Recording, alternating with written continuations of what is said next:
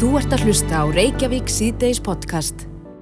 Já, já, við vorum að tala um það hvort við værum, eh, já, góður aukumenn. Ég sko, ég er mjög örugur aukumæður og ég, ég keira alls ekki hratt og ég passa mér rosa vel og ég gef stefnilegs hvert sem ég fer en ég myndi segja að ég væri rosalega góður svona aðstóður aukumæður. Já, það eru það mjög margir, ég finn fyrir því ég ég er svo nýbúin að keira sko eitthvað 1600 km á örfáum dögum þú veist, fór til Vopnafjörður og tilbaka og svo strax til Akureyrar Uh, eins og ég segi, ég er rosalega góður aukumæður um og ég vil landsbyðar uh, maðurinn kemur upp í mér en í Reykjavík er ég ofta alveg svona pínu svona uh, Já, ég veit ekkert hvort að bílstjórarnir uh, myndu taka undir að ég væri góður aðstofabílstjóri en ég er svona mikið að skipta mér að akstrinum.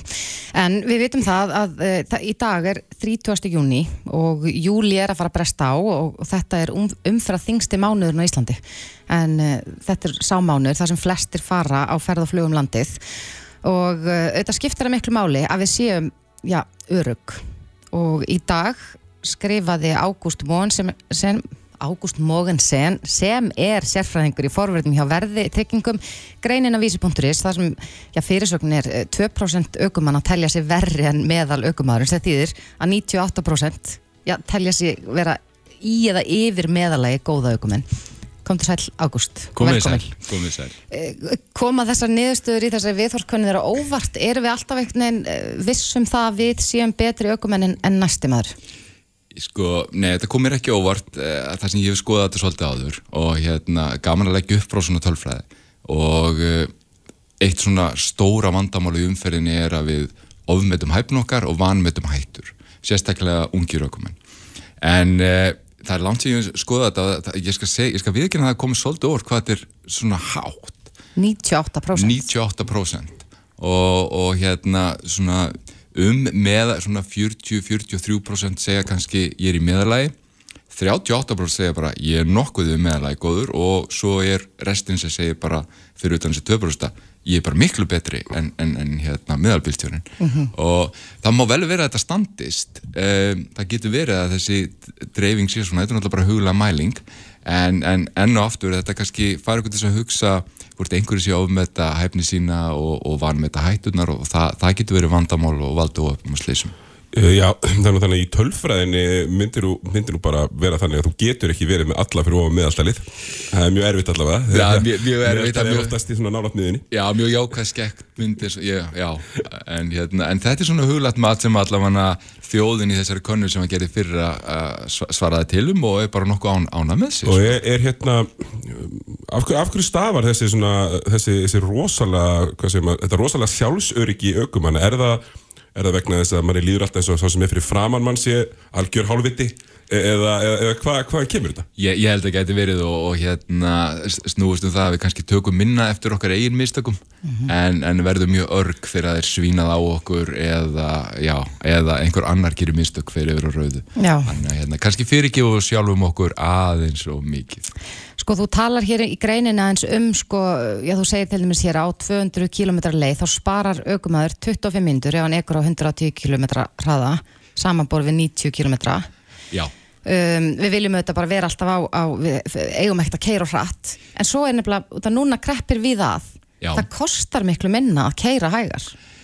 Þú, þú spara meira Já, ef að þú gera- ekki alltaf að þennja vélina upp í hérna eh, rosalega háan snúning, ég er nú á beinskiptum bíl og ég hef bara verið að taka eftir því að ef ég er að passa að fara ekki yfir eitthvað náning á ákveðin snúning, Já. að þá bara drýfur einn tankur svo miklu, miklu lengra. Já, já, þú bæði, bæði sparar jarð eldsneitið og, og, og, hérna, og rafmagnið og, og það sem að, já, við erum að benda með þessu er að þessi 200 km vegalengd sem að e, þú ert mögulega að fara að keira á ólöflegur hraðis á 110 staðin fyrir 90 þú ert að spara 25 mínútur. Uh, þú ert kannski að fara 100 til 150 km í sömabústæðin og þetta er ennþá minna. Þetta er svolítið huglægt hvað okkur finnst við vera að tapa af tíma og svo spurning hvaða tíma eru að tapa? Hver, hvert á einhverju að vera mættu klukkan 7 í kvöld? Ég, bara, ég veit ekki, er eitthvað fundur að byrja eða er, erum við ekki bara að fara að tjálta eða fara í sömabústæðin það, það er alltaf lægi að slaka þess á bara að vera þólumóður Já, svo er kannski spurning, nærðu þessu meðalhrað? Uh, sérstaklega á svona stóri ferðahelgi, menn þá endar þú vendalega eins og manni líður, mér finnst ég enda á eftir húsbíl á svona 5, 5 km fresti. Já, og svo eru þetta ferðavagnandi Akkúrat. og svo kannski erum við Íslandikar ansi gjörðum við það að finnast hérna, ferðamenn ekki kunna keira á íslensku vegum. Akkurat, en þú lendir á eftir, það er ímislegt sem getur verið, þú getur þurft að fara begin og afleikja, er erfitt að halda þessum 110 km meðalhrað. Það er bara mjög erfitt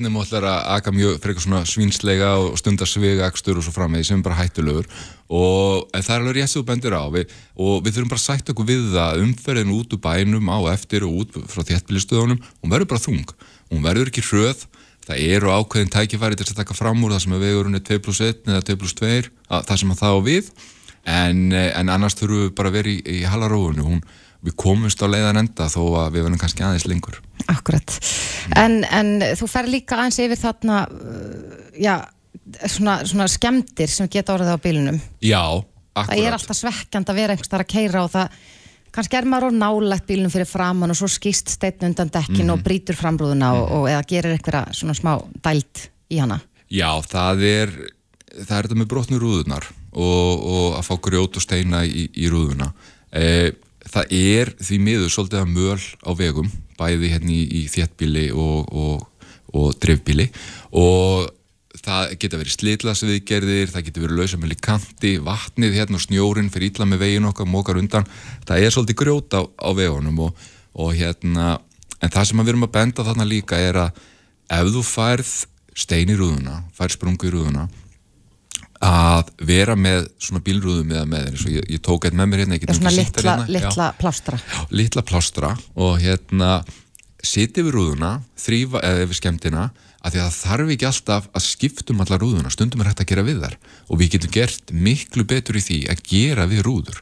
Og þetta er svona ákveð umhverfis og sjálfbarnimál sem við þurfum öll að leggjast á eitt með. Já, en hvernig á ég að hegða mér umfyrin til þess að vera ekki annarkvort sko að fá stein í rúðuna eða vera að spýta steinum í næsta bakvið. Það er náttúrulega hraðinn og, og fjarlæðin næsta bíl sem getur skipt hann Já, og ef maður fer lengur út í vegkantin, það sem er kannski meiri möl, er þá meiri hægt á? þá ertu að fara að spýta upp grjóti og Já. svo er það þessar slítlas viðgerðir og, og, og bara þessi yfirlög sem er verið að setja það eru, það eru kaplar núna á, á vegakerfinu sem að það er búið að vera að leggja yfir og það er bara svona kókopassmöl á, á gödunni og þar þurfum við bara að hæja okkur annars kostu við grjóti yfir á næsta bíl eða í rúðunum Kannski rétt hans í lokinu út af því að, að eins og ég segir, vittni grein sem hún skrifaði sem er ansi áhugaverð og, og mér bránu eiginlega bara við það að, að sjá að 3% ökumanna dottuðu við akstur síðastlega 6 mánuði.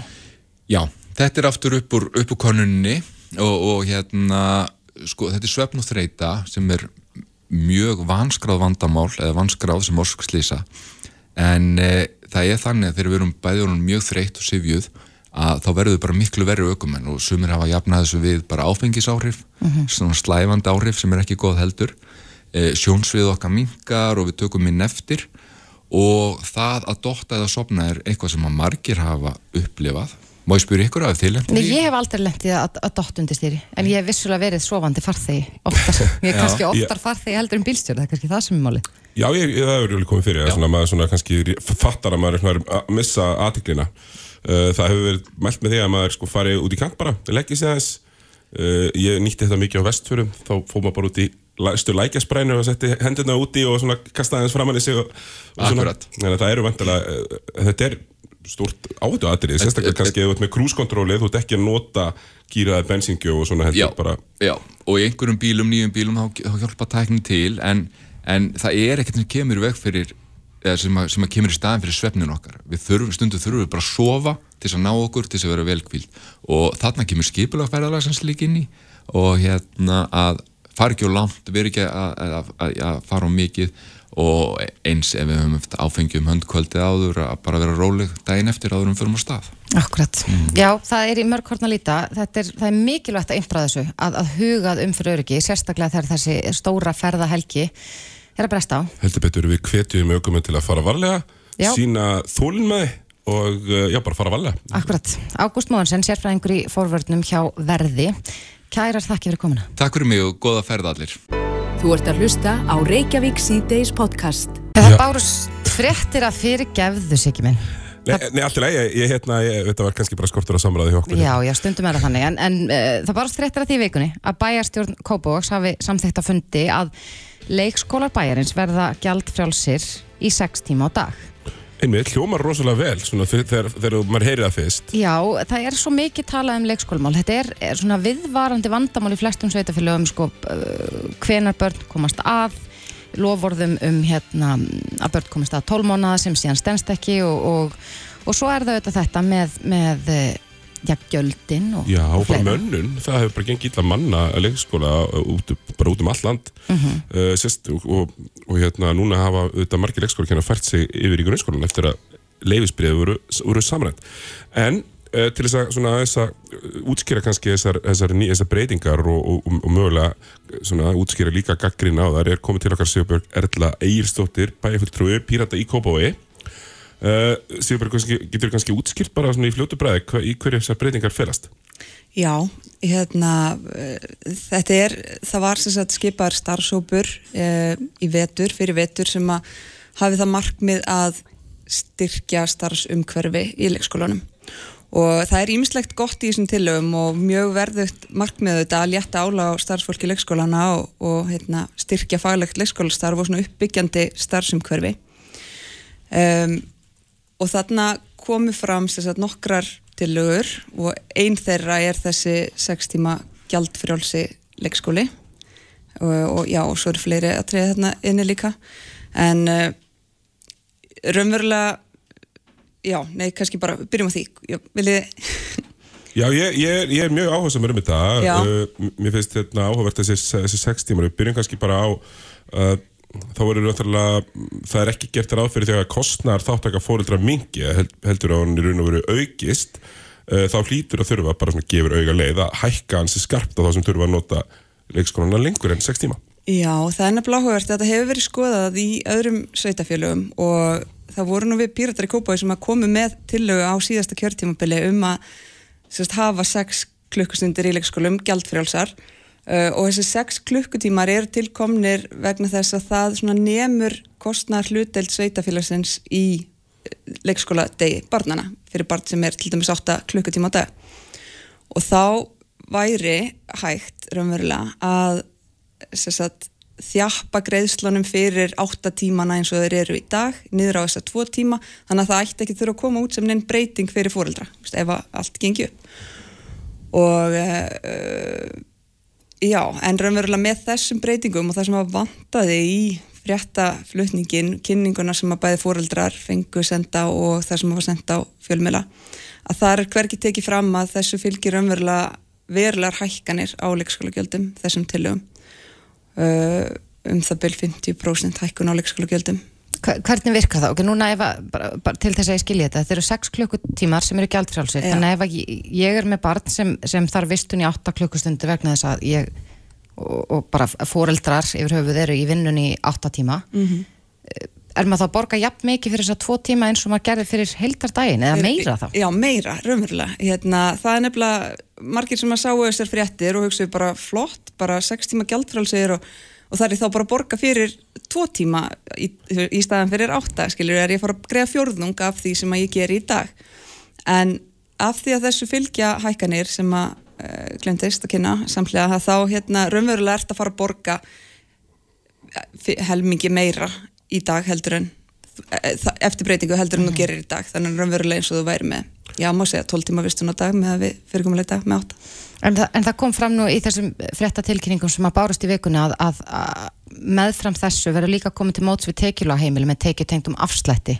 Já, það er eh, stendur til að breyta afsláttukerfinu þannig að í stað þess að veita námsmönnum um, einstæðum, foreldrum og öryrkjum afslátt vegna stöðusinnar að þá verður afslátturinn tekjutengdur í staðin og þá eru þá er verið að ræða einhver ákveðin viðmið um, sjö, sko, já, ég held nú reyndar að ok, það byrti sem sagt þarna gjaldskrája hluti af þess, þessum útreikningum sem að hérna, við bæjarfulltrúar fengum svo bara póstum að við hefum ekki mátt reyfa en við töldum þetta vera part af tiljónum sem að var verið að samþykja þriðdæn um, en það er verið að ræða tekjuviðni sem að eru þá einhver summa fyrir einstæðinga sem að ég held að sé kringum 790.000 mánaðalaun og 980 að ég, ég, ég, ég sver ekki upp á svo tölur því að það voru eitthvað að taka einhverju breytingum með fyrir 980 allavega fyrir par sem að eru þetta ekki mjög háar tekjur fyrir par þannig að það er langt flestir um yfir þetta það að viðmið. margir muni njóta góðs af þessari tekjutengingu. langt flestir allavega þar sem að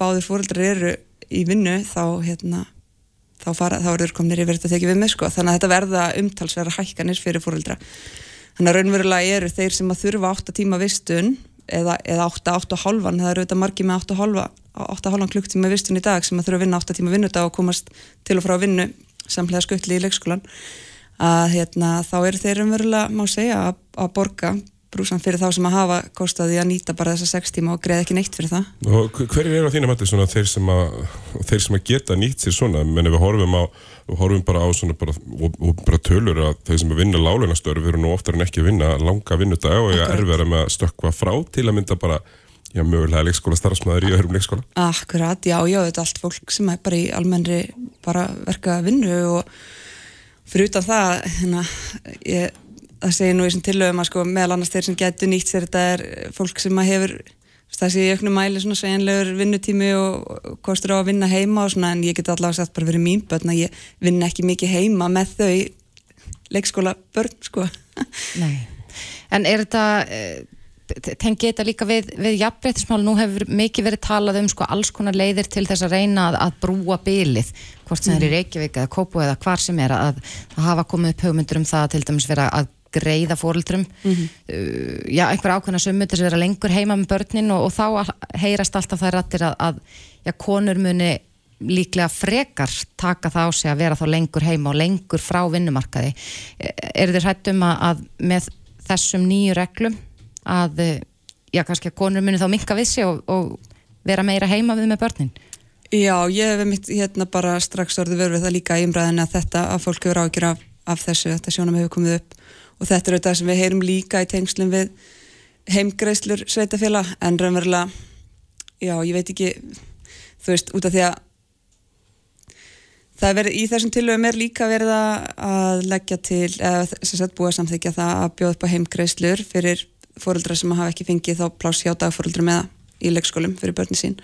Og það er eiga þá að taka gildi frá því barnið 15 mána þannig að það kemur þarna þryggja mána bil eftir að fæðingarólefinu líkur sem að mér finnst reyndar ótrúlega fyrirlegt um, en já, en svo spurning hvort að það ætti að, að mitt binda við þessum tilögum er ekkert verið að, að hérna, gera kröfu um einhverju skiptingu á þessu eins og fæðingarólefinu verið dag vegna þess að þá er hugmyndina fóreldrar geti líka jafnvel greitt öðrum fjölskyldum meðlum að vinna hvernig sem það er. Útvart þetta einhvern veginn þannig þetta er umverulega upp að en bara nefnur um, kostnar hluteld bæjarins í dagfóreldrum í dag Er, er fór fram eitthvað greining á því, svona hversu margir eh, er áallega að nýti sér það að stýtta þá leikskóladagi niður í þessa sex tíma?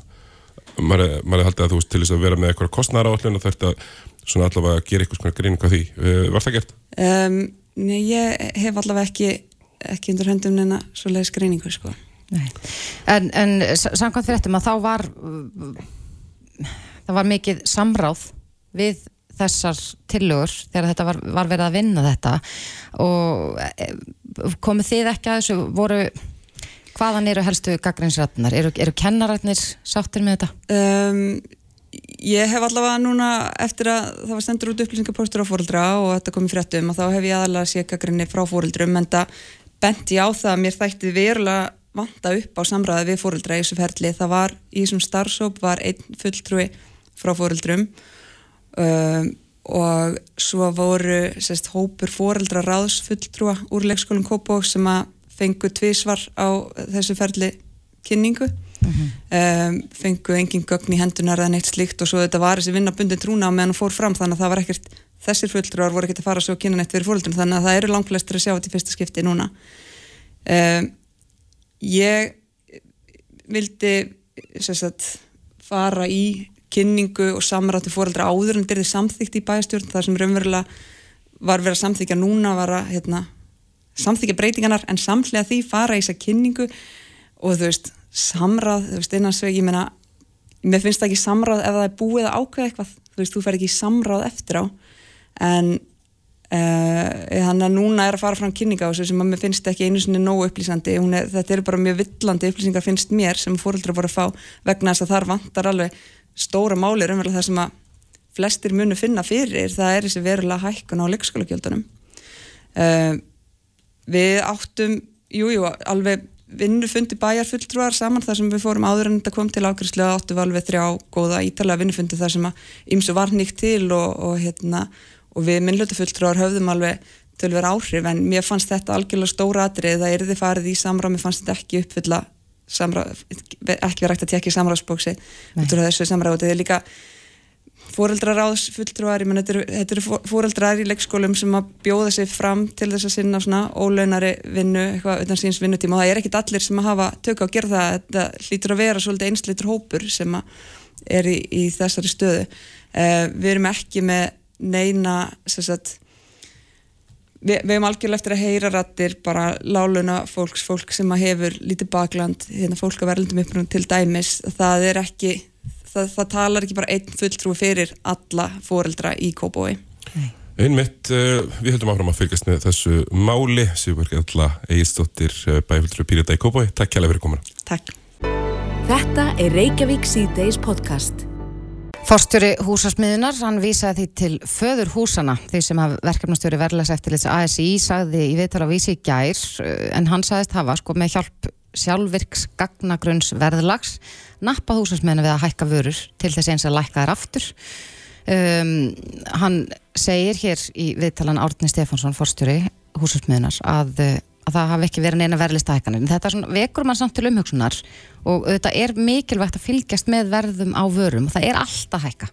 Það, það er alltaf hækka, verðborgan þarf til að hafa mælst örlítið læri síðast á stendur hún í kringum 9% mm -hmm. matarverð hefur hækkað um 13% á síðastleina árinu, cirka meira en verðlag og við vorum nú að tala hér um bílastæða hækkanir sem eru langt umfram verðlag.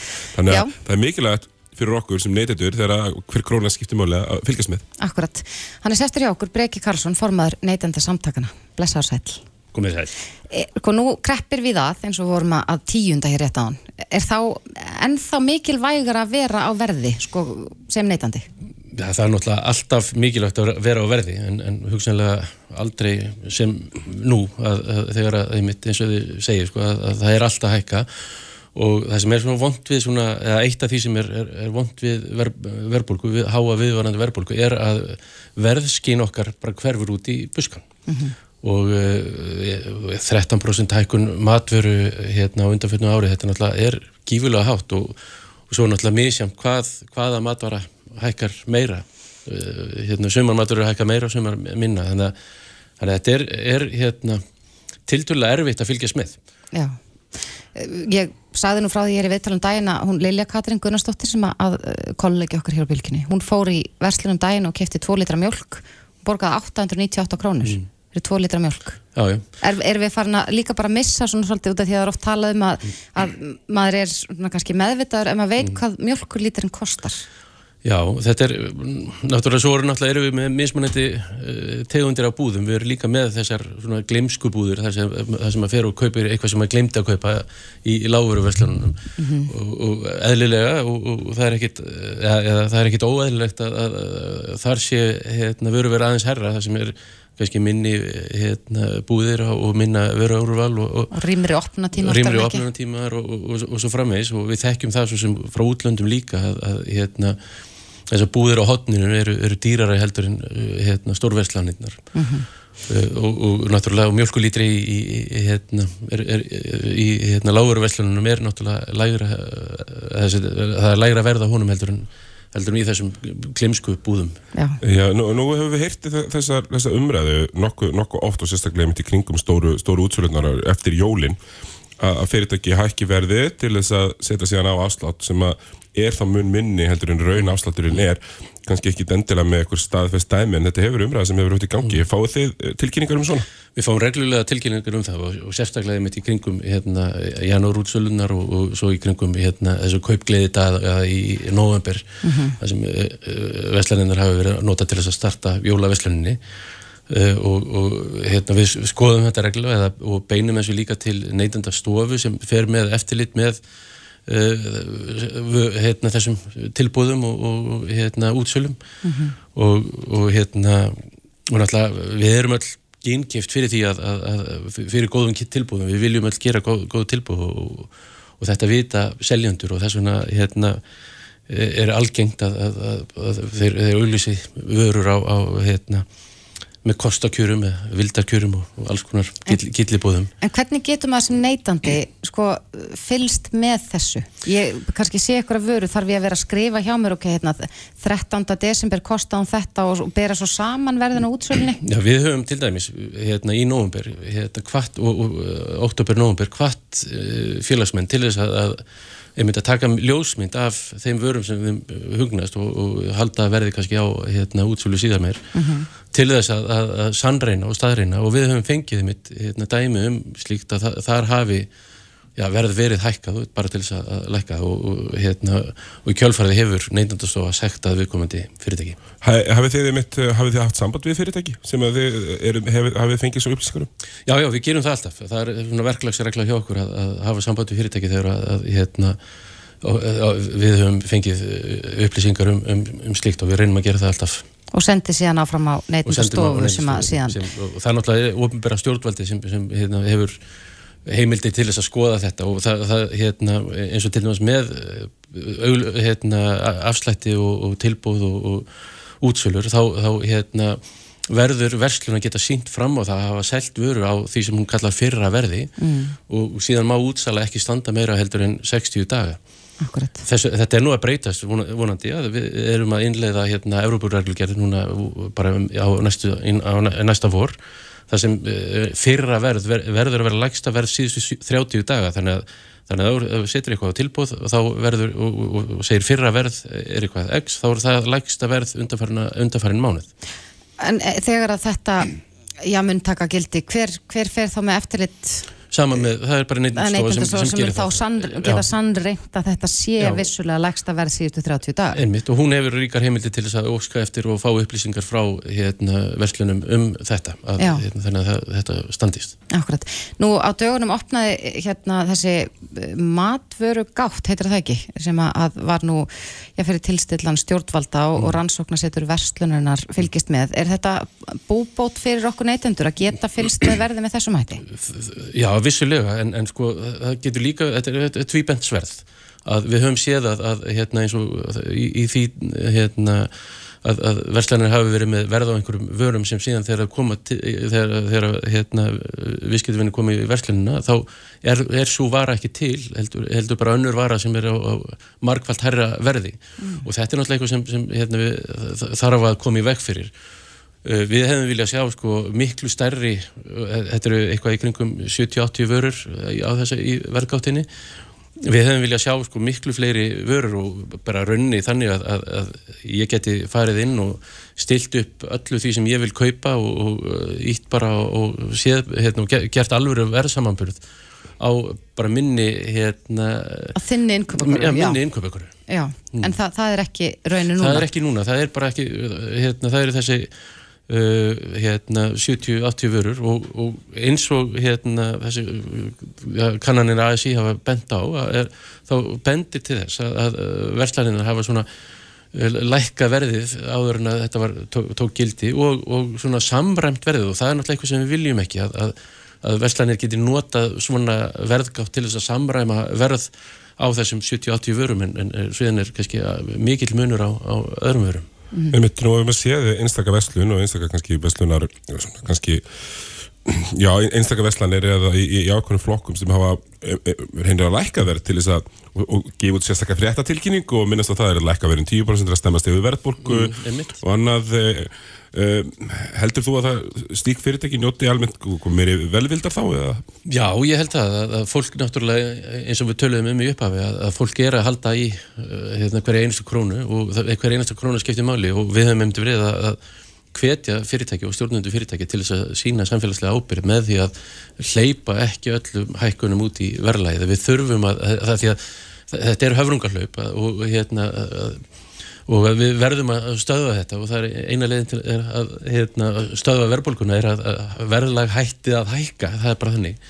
Þannig að við, við hérna, höfum verið að hvetja, fólk, hvetja fyrirtæki og, og hérna, ég er viss um það að fyrirtæki sem, sem fara eftir því og, og, og lækka verði eða, eða halda verðinu stöðugu það, þau, munu, þau njóta þess hjá Já. okkur lundin Hafa einhver fyrirtæki nú þegar gripið til þess að, að svona reyna að sína þessa samfélagslega ábyrg sem þú talar um? Við sáum það eh, hérna, ekki fyrir svo löngu að, einhver fyrirtæki lo, lofuðu að hækka ekki verða ákveðnum vörum í ákveðin tíma en, en það held bara í, í ákveðin tíma og, og, og síðan náttúrulega hefur verð, verð hérna, hækkað í, í kjölfarið. Við erum að fara að tala við hann Kjartan Magnússon, borgarfylltrú á sjálfstæðisflokksins, hér rétt á eftir um, um hækkun á bílastæðagjöldum. Þetta er alltaf 40% hækkun og verið að lengja tíman sem við þurfum að greiða fyrir bílastæði og, og bæta við sunnudöfum. Er þetta eh, of skorp hækkun á þínum mati? Sko, neytundarsamtökin svo sem taka ekki afstöðu til ofinbæra gjalda Nei, nei. og, og svo leiðis en, en þetta er náttúrulega verð á þjónustu sem, sem kannski lítur aðeins öðruvísi eh, hérna, lögmálum uh, og, og hérna uh, verð á þjónustu uh, og gjöld sem, sem eru tekin inn fyrir þjónustu verða svona endurspeglast í, í þá kostnaðanum við að veita þjónustunni. Ég vilja, gætna vilja sjá það að, að hérna að verð á, eða kostnaði við að veita þjónustum sé að hækka um, um eða hversu mikið hann sé að hækka hérna, til þess að réttlega þess að skörpu hækkun. Akkurat. Já, þetta er aðtilsvert en, en við bara hvetjum eh, öll til þess að vera mjög vakandi fyrir Já, verðhækkunum já, og bara vera á verði gagvart verði, er það ekki eitthvað? Nákvæmlega, við erum öll á verði. Já. Breki Karlsson, formaður neytindarsamtakana, gera þakki fyrir komuna og góða helgi. Takk sem liðis. Þetta er Reykjavík síðdeis podcast. Já, já, segur nú er helgin að fara að bresta á og við, eh, já, sögðum frá því í gær og spjöllum nú aðeins um það hér okkar á milli að, að eh, já, bílastæðagjöld, þau eru að hækka ansrýflega og uh, svo verður gjaldskildan lengri, sunnudagar verður ekki lengur ókipis og við kannski kvörtum svolítið yfir því að nú getur maður ekki lengur farið í miðbæ og svona um sexleitið, skili bílinn eftir og, og sótt hann svo bara daginn eftir að hans að borga. Nákvæmlega og það er mitt kannski líka tilgangurinn með, með þessu er það að fólk eh, sleppi því að skilja bílinn eftir og fari frekar öðruvísi niður í bæ ef það ætlar að fara að fá sér í glas og, og ekki kera heim. Já, kannski verið hann að stoppa í eitthvað gatt, Mhm. við vitum það ekki. Uh, hann er sestur í okkur, Kjartan Magnússon, borgarfulltrúi sjálfstæðisflokksins, kom til sælublæsar. Sæl. Já, hvernig líst þér á, á þessa breytinga? Við vitnum nú aðeins í því hér í gær í, upp úr frétt sem að skrifa var á mbl.is. Þú ert ekki parsáttur við þetta og, og finnst þessi, þessi hækkun hans er rífileg, eða hvað? Já, já, þegar ég heyrði fyrst af hækkuninni, það stæði til að hækka, þá held ég að þetta væri kannski bara eitthvað svona í takt við verðbólguna.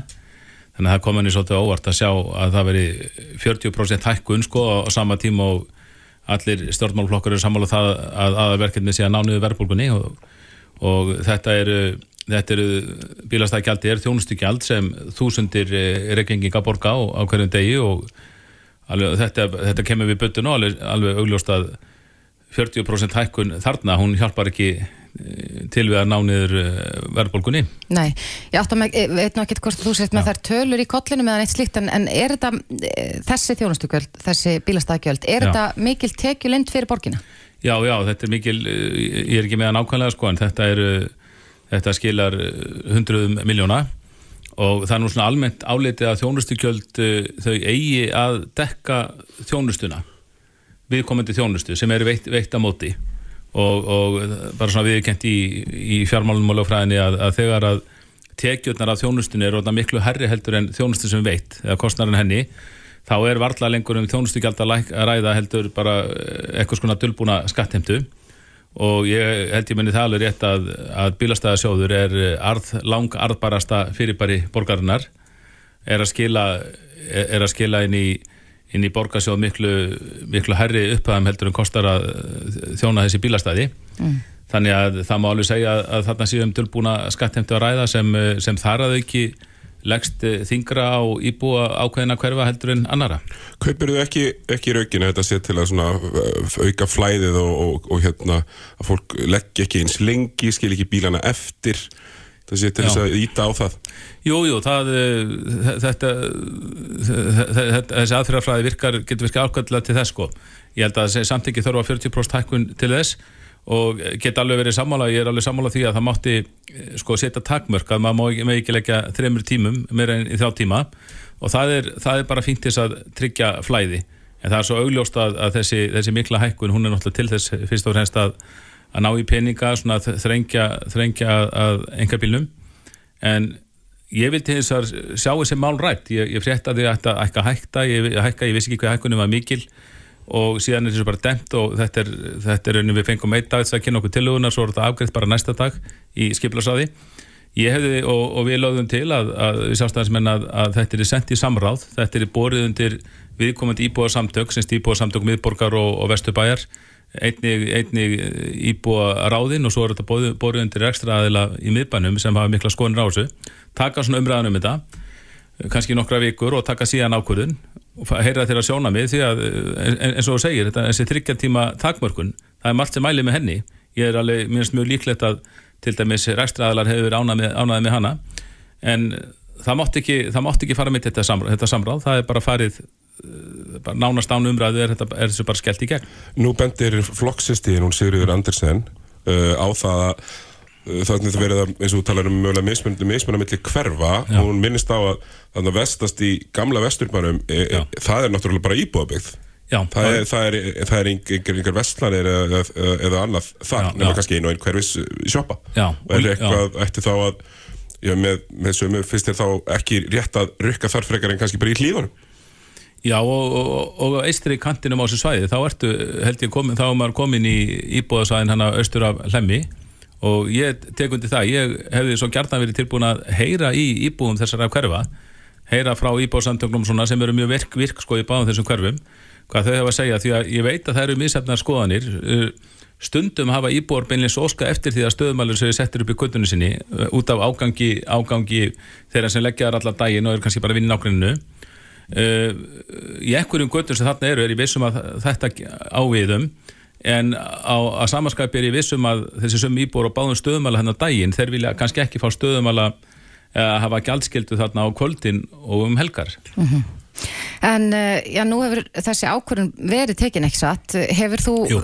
fengið, uh, já þú tjáðu um þetta í gær, hefur þú fengið eitthvað viðbröð frá íbúum í þessum hverfum eða, eða rekstraðilum síðan að þrettir bárast á hakkunni? Já, já, já, já, já. Það, ég fengið viðbröð og, og hérna, tölupost og síntölu og svona og það er bara svona almennt undrun með þetta sko að þetta, menn hef ekki einu svoni fengið bara í andagóð samráðs að tjá sig um tilluguna og og ég man það eftir því hérna áður þetta var hækkað, það var oft sko til að það var sett fram og svo var hún látið líka halva mánuð og rætt og svo var henni kannski hans breytt í samræmi við til eða fráskoði samræmi við það sem svona ábyrningar sem, sem bárust. En, en nú er það ekki mögulegt og ég sé líka á þessum þessum Facebook síðum í þessum hverfum. Þar er þetta líka mikið rætt og, og vissulega eru mismundi sjónamið uppi. Mm -hmm. en það er þá bara ég hefði haldið að það veri bara anda góð stjórnvalds að að leggja fram tilögun og fá smá umræðum og, taka, og, síðan ágreðina en það, það mátti ekki og samt og það, það sem er nú að gert það var bara beðið eftir að borgarstjórn tværi sumafrí þetta er eitt af þessum málum sem mætti náttúrulega ræði borgarstjórn. Það var bara beðið eftir að borgarstjórn tværi sumafrí og þá var þessu bara skellt fram á næsta fundi að því að borgar og fer núna með valdheimildir borgarstjórnar. Og mér skilst að breytingarna taki kortið er ekki gildi í sumar, núna í sumar, allavega ekki í júli þannig að það hefði alveg verið hægt að að taka lengri tími í og ræða málinn. Verður hérna verður stöðubróts verða stöðubrótagjöld hækkuð til samræmis? Því að akkurat núna er, er stöðubrót að, að, að leggja og vera, þess að borga ekki stöðumæli er, ef þú borgar strax þá er það 3500 krónur uh, sem er þá eins og að leggja bílum í fjóra klukktíma Já, það, það var ekki drætt í samhengi við þetta en það kemi manni svo sem ekki á óvart sko Já, annars, svo, annars gæti bara reynilega verið ódýrar að fá stöðu bara tæltur en að leggja. Já, já jú, það, það var nú, var nú eitthvað, eitthvað komið inn á og, en það er kannski svolítið önnur ella en, en svo, svo þarf kannski að vera munur, við þurfum að greina á milli kannski það ef maður borgar ekki fyrir nógu langa tíma, þá heitir það sko, þá viljum við kalla það aukastöðu gjald. Mm. Við kallum það kannski ekki broti í sjálfu sér og heldur svona hóflegt aukastöðu gjald, var þá bara aðeins lengur um að rætla því en stöðu brotagjald þar þegar maður viti, leggur upp á gangstættir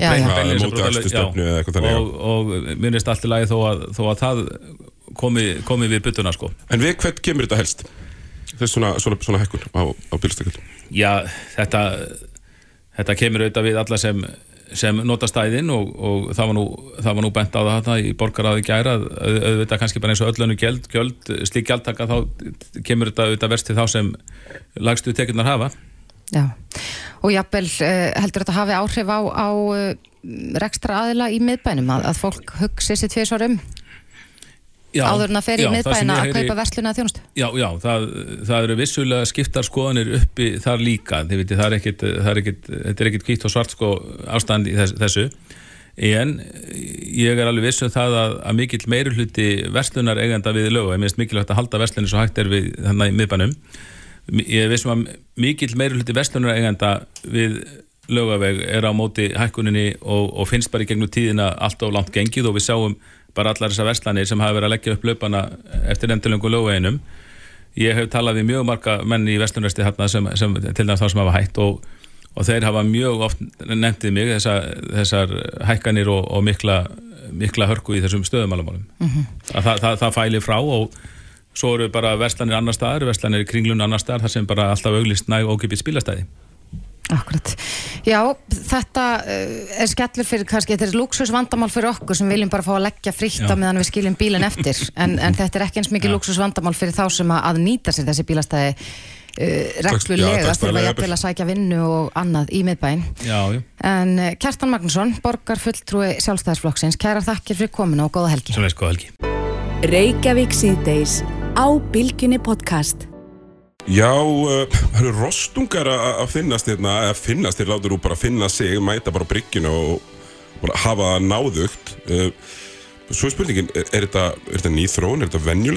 Já, mér Hefur þú verið mikið að sjá rostunga? Nei, ég hef náttúrulega aldrei séð rostung með einugum, kannski á okkur sætirasafni einhver tíma, nei ég veit það ekki svona, svona eh, einhvers staðar erlendis en eh, nú er allavega rostungur sem hefur komið sér fyrir á Bryggju í smábátahöfnun á Sauðarkróki og ég tek alveg undir með þess Siggi að, að sko, mér finnst þetta sé algengara en það var áður, við erum alltaf að heyra fréttir af rostungum sem eru bara já, voða sæleira að hanga á höfninni Já, það var einnandi í, í fyrra ás og var þetta frægur í Þór sem var hérna Breitalsvík og hvað djúbái, eitthvað. Já, hún er sest hjá okkur, Edda Elisabeth Magnúsdóttir, doktor í líffræði og lektor við Háskóla Íslands, komdu sælublesuð. Sælblössuð. Já, þessi rostungur, ég, ég veit nú ekki hvort að hann sé komið eitthvað nafn, er, er ekki eitthvað svona smá hefð fyrir að við erum alltaf eitthvað að nefna þá? Jú, það hefur verið svolítið um það, þess að, þess að föru rostungar sem hafa verið að koma sér fyrir hér og þar á Norðurlöndunum, það hafa nú verið að fá nöfn, en ég held að þessi eftir að en er þetta, er þetta algengt? Hefur þetta alltaf verið svona rostungar komið og svona dukki upp hér og þar og, og eh, já, hafið það náðugt?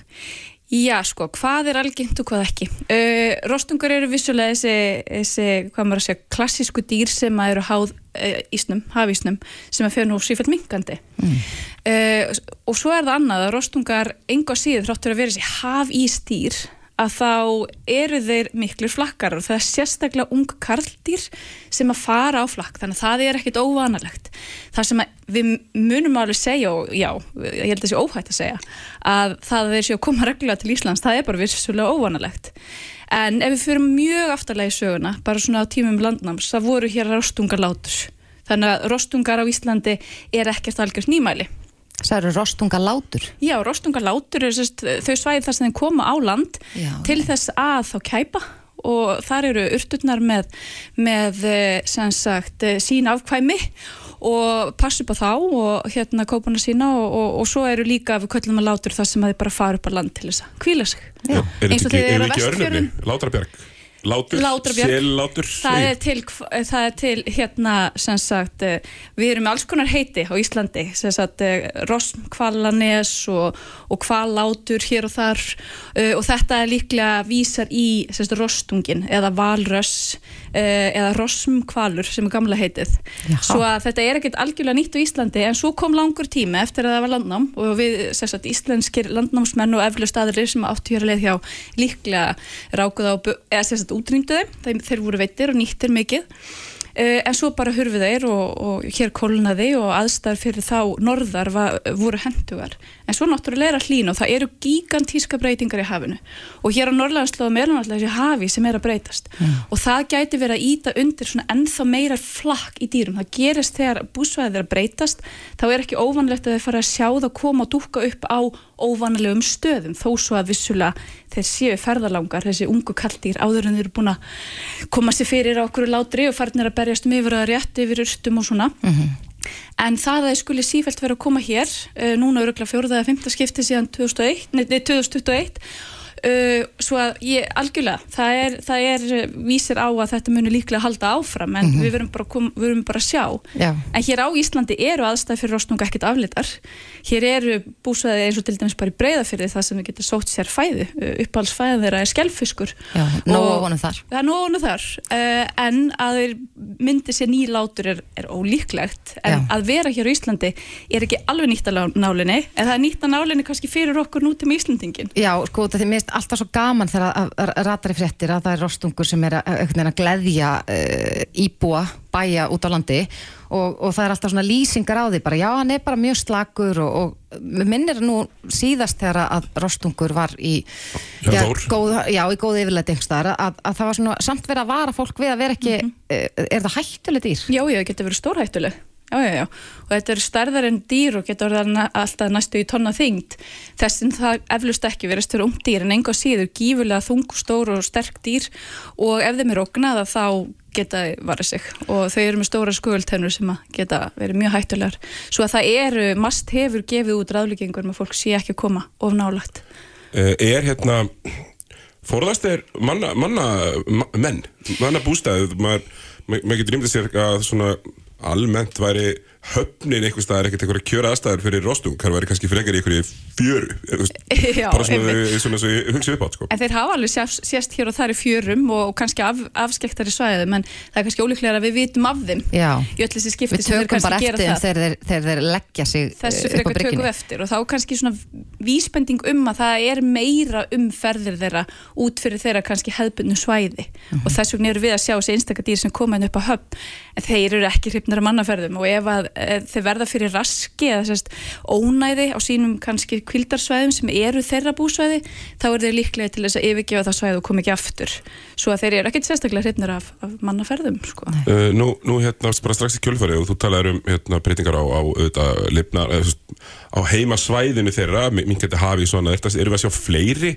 flökkudýr hingað, nýjar selategundir eða kvalategundir eða önnur, önnur, önnur sjávardýr sem að við erum ekki vöna að sjá hér við Íslandstendur. E, Það eru náttúrulega hafa orðið heilmikla breytingar á bara sagt, e, ferðum dýra, fiska og svo frammeðis hinga til lands. E, Það er ekkert svona eitthvað svona reglulegar komur eitthvað sjálfgefra suðrætna kvala eða skjálpaka og annað slíkt.